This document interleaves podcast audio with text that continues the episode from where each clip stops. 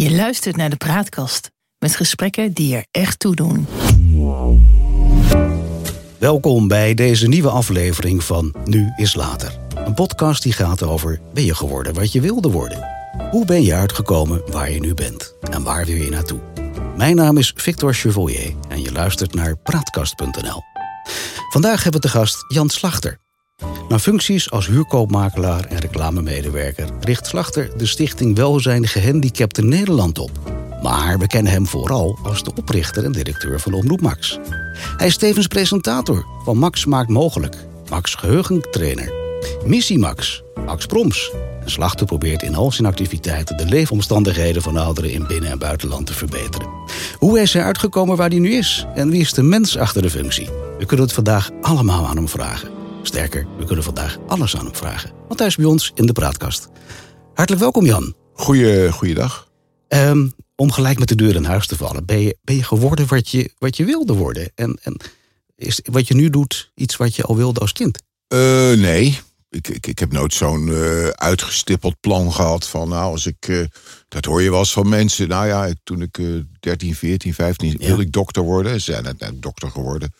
Ik heb dat nooit gehad. Uh, dus ik ben iemand die, uh, nou ja, wat voorbij kwam en wat mij interessant leek. Dat, dat heb ik aangepakt. En zo is het ook met Max gegaan. Mhm. Mm -hmm. Maar ik had niet uh, het idee van toen ik 20, 30 was...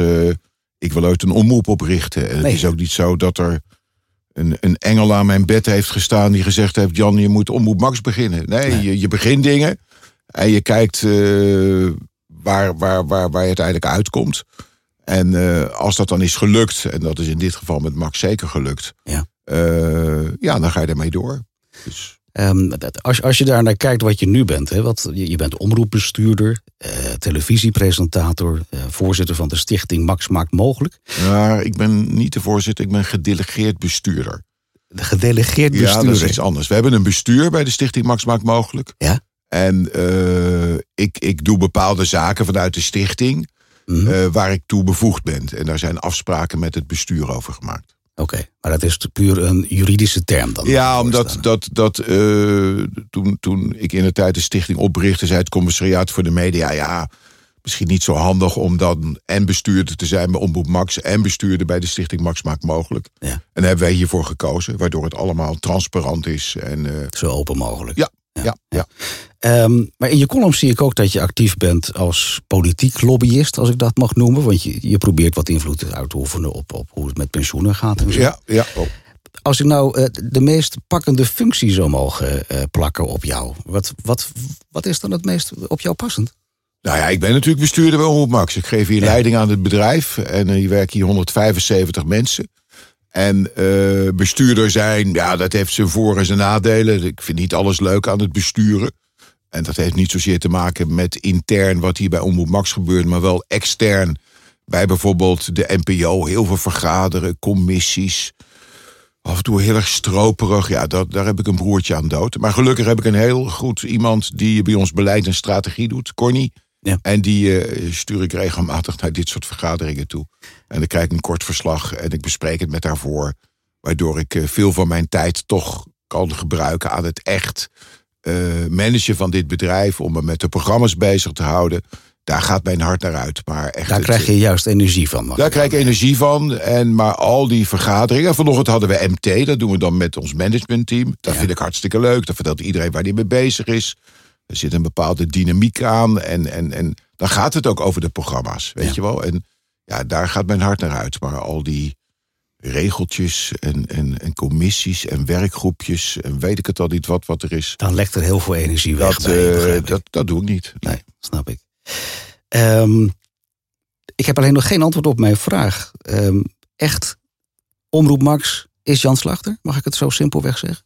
Nou, vind ik een beetje raar als je dat zegt. Omroep Max is Jan Slachter. Jan Slachter is Omroep Max. Nee, ook niet. Nee. Nee. Nee. Dat, dat denken mensen wel, vaak. En er werken, wat ik hier net zei, 175 mensen.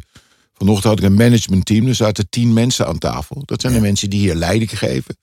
Die radio doen, televisie, online, financiën, marketing, beleid en strategie. Nou, En die mensen doen, eh, doen hun taak. En, en eh, het is niet zo dat ze voor ieder dingetje bij mij komen. Nee, dus ze varen hun eigen koers. En natuurlijk spreek ik regelmatig met ze. Ja. Maar dat gaat goed. Maar je bent toch wel de geest van Omroep Max? Mag ik, Ik heb, het- ik heb het opgericht. Ik ben de oprichter. En als je de oprichter bent van iets, dan heb je altijd toch wel, ja, hoe moet ik dat zeggen, eh, een bepaalde verbondenheid met, met wat je hebt opgericht.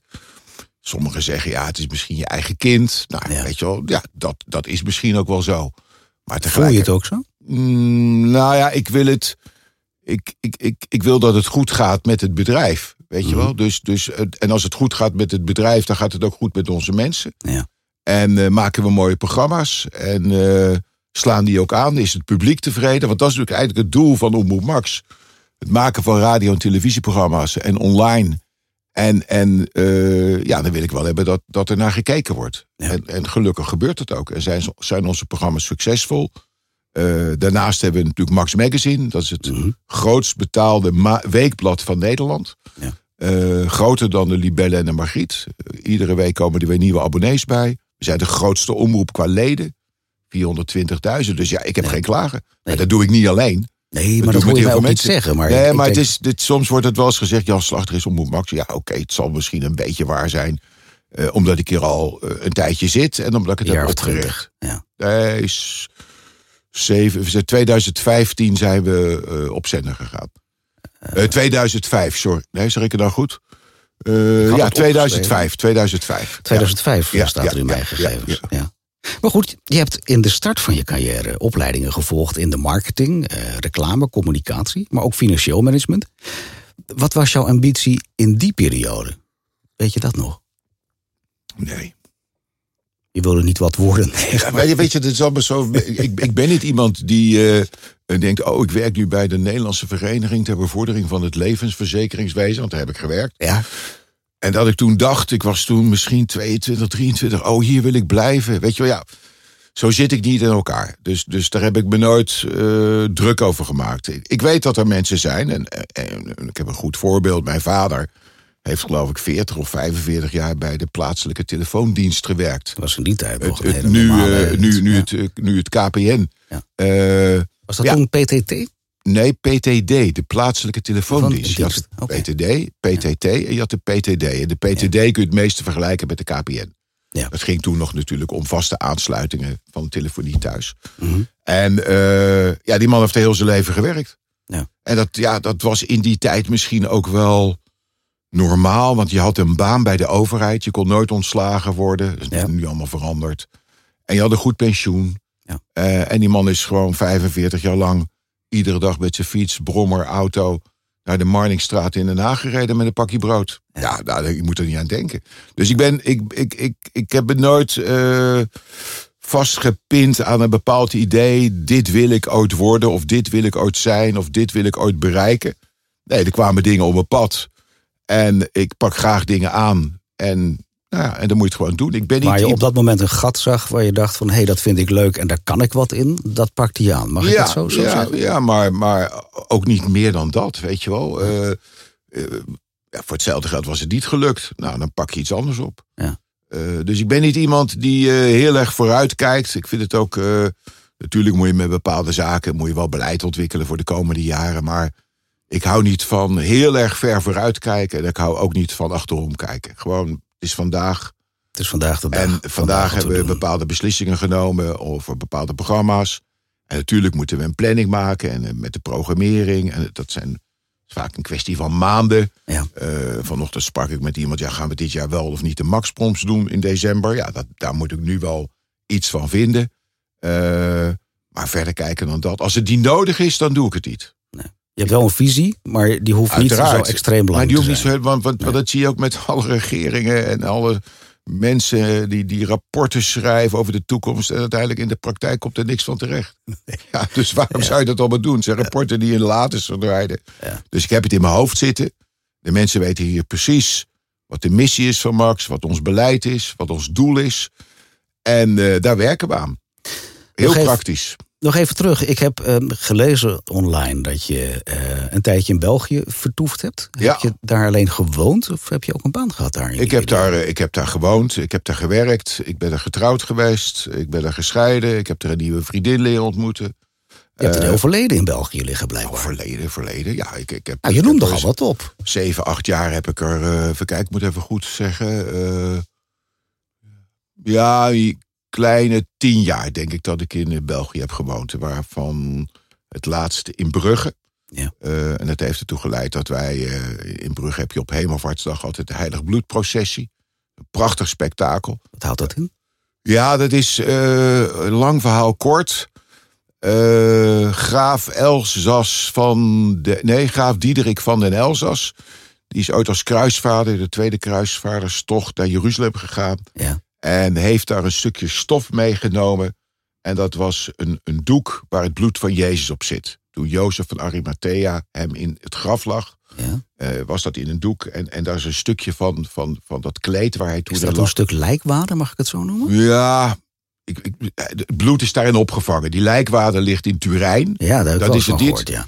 Maar dit is een stukje stof waar, waar toen hij hem van het kruis haalde. Nou goed. En daar zit het bloed van Jezus aan. Mhm. Dat, stuk heeft, dat stukje stof heeft hij mee teruggebracht naar Brugge. En dat er is uiteindelijk een eh, heilig bloedkapel voor, eh, voor opgericht. is nu een heilig bloedbasiliek. En dat gaat al terug tot die heilig bloedprocessie is al iets meer dan 700, 750 jaar. Iedere dag, ieder, ieder hemelvaartsdag door de straten van Brugge. Ja. En dat ligt in een, in een gla, kristallen eh, glazen buisje. Mhm. En dat kun je ook zien in de Heilig Bloedbasiliek in Brugge. En eh, dat wordt dan door de straten van Brugge gedragen. En daaraan vooraf gaan er allerlei eh, muziek en dans. En er worden allerlei bijbelse tafereelen uitgebeeld op straat. Met heel veel schapen en dieren. En, nou, dat is een heel spektakel. Dat doen ze al zo, lang als, eh, wat ik zei, 700, 750 jaar. En eh, omdat het zo'n mooi spektakel is, het staat ook op de UNESCO Wereld Erfgoedlijst. Ja. Eh, nou, ik dacht, dat moeten we een keer op televisie brengen. En dat hebben we met Hemelvaartsdag gedaan. Dus ja, ik heb in België gewerkt. Eh, ik ben, nou, wat ik allemaal al zei. En ik ben op een dag eh, teruggekeerd naar, naar Nederland. En, en waarom ben je weer teruggekeerd naar Nederland? Ja, allemaal, wat, dat zijn allemaal van die vragen waar, je, waar ik dan toch niet... Ik, het is toch niet ook weer dat ik toen een dag, dag had... Oh, dinsdag de 31 Ik ga nu terug. Nee, ik dacht op een gegeven moment van ja... Misschien ga ik ooit wel een keer terug. Weet je wel, ja, ook Maar je daar- bent wel al die tijd je zoekt heel veel diepzinnige dingen erachter, bepaalde dingen die er gewoon niet zijn. Nee, dat- Ik ben een keer teruggegaan. Ja. eh, en dat had ik altijd wel een beetje in mijn hoofd. eh, van, eh, ja, er is misschien ooit wel een dag dat ik terug ga naar Nederland. En ja, sommige dingen gebeuren in je leven die zijn... Soms is het toeval. soms is er iets waar je denkt, nou, misschien... Ik weet geen eens meer precies hoe dat is gegaan. Eh, maar ik ben op een dag teruggegaan. Ik dacht, nou... En, en dan, dan gaat je leven verder. En dan leer je een nieuwe partner kennen. En, ja, en dan blijf je ook in Nederland. Maar Ja. voor hetzelfde geld had ik nu in Amerika gezeten. Ik ben niet echt van... eh, Maar mag ik dan concluderen dat jij heel makkelijk aanpast aan nieuwe omstandigheden Ja. die zich voordoen? Wherever lay my head, that my, that's my home. Ja, oké. Dat is heel mooi om te horen. Dus eh, ik ben niet iemand die hecht aan eh, plaatsen. Terwijl ik nu al bijvoorbeeld 20 jaar in Zoetermeer woon. Omdat ik daar mijn huidige partner heb ontmoet. En daar hebben we kinderen gekregen. En dat was een goede stad voor de kinderen. Ja. En nu zitten we wel te denken, ah, willen we hier nog wel blijven? Nou, misschien niet. En eh, dan kijken we misschien dat we weer terug gaan naar Den Haag. Ja, ik zie het wel. Maakt allemaal niet uit. Dat zou Het even maakt voor goed mij ergens allemaal niet uit. op de Veluwe kunnen zijn. Zeg maar. Nou, dat wil me. Ik laat me ook wel vaak leiden door, door mijn vrouw. Die wilde graag terug naar Den Haag. Ik oh, schat, als jij dat wil, dan gaan Ja. we terug naar Den Haag. Leuk. Ja. Dat. Ja. Dan doen we dat. Ehm, in 2002, je was toen zelf maar 48, eh, richtte je Omroep Max op... omdat je van mening was dat er te weinig media-aanbod voor 50-plussers was.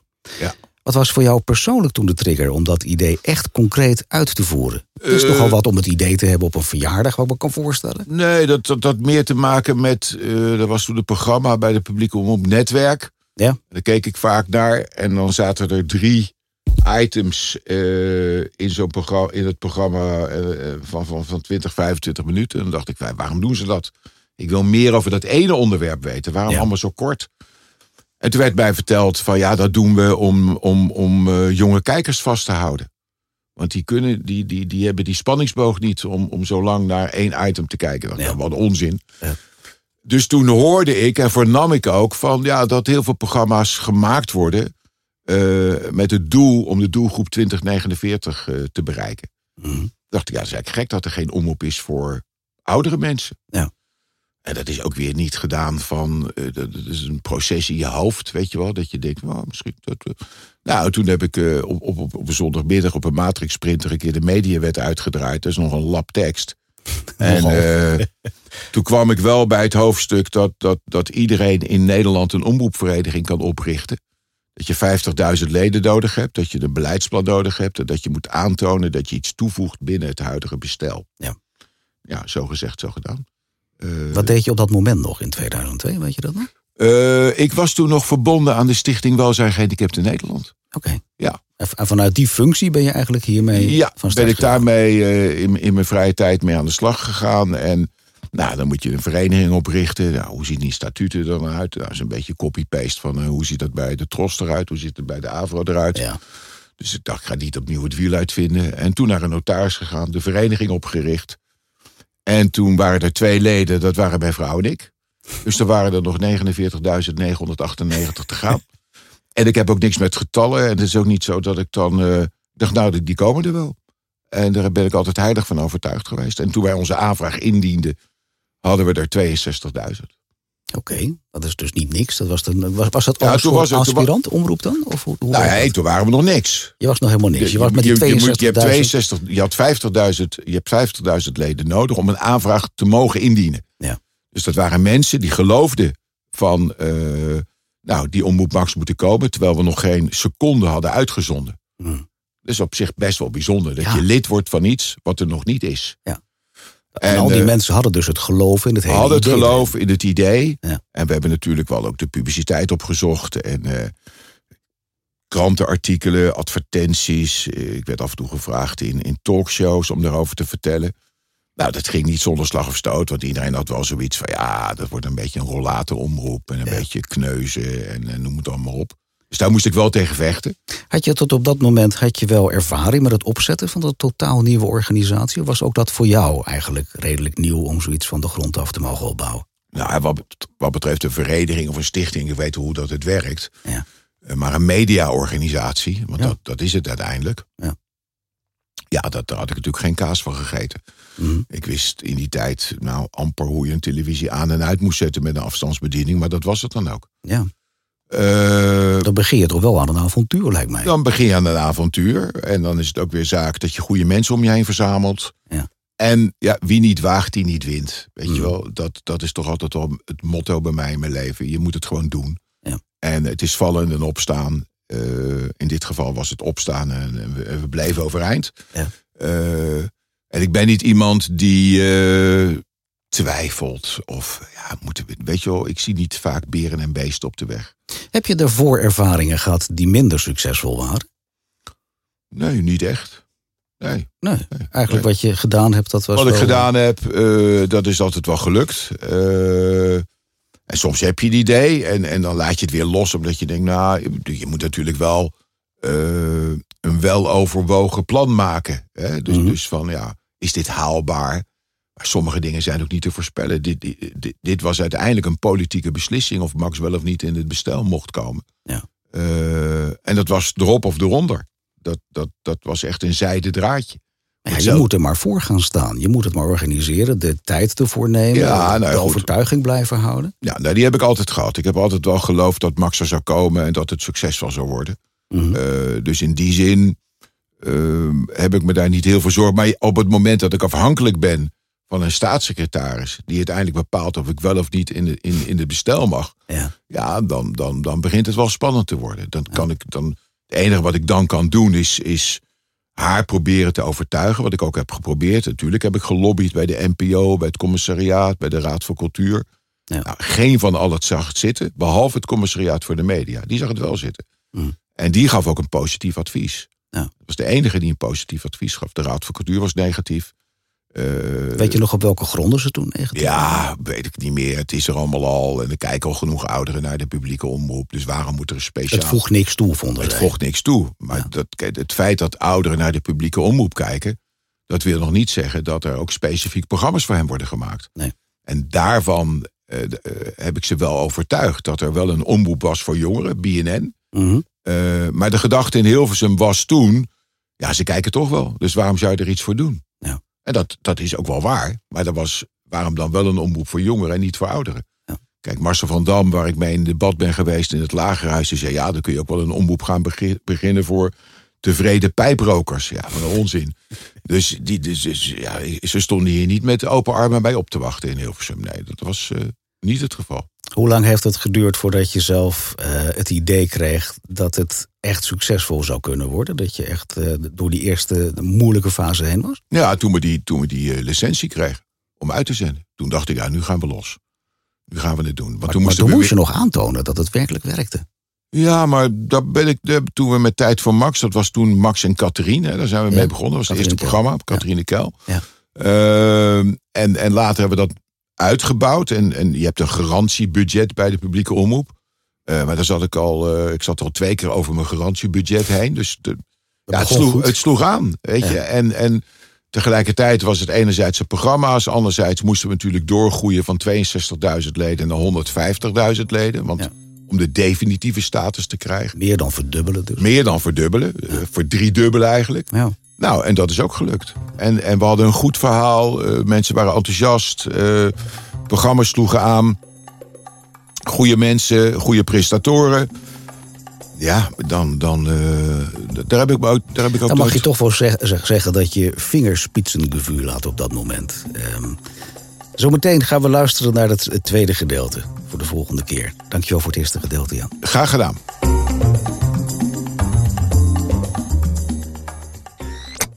De praatkast.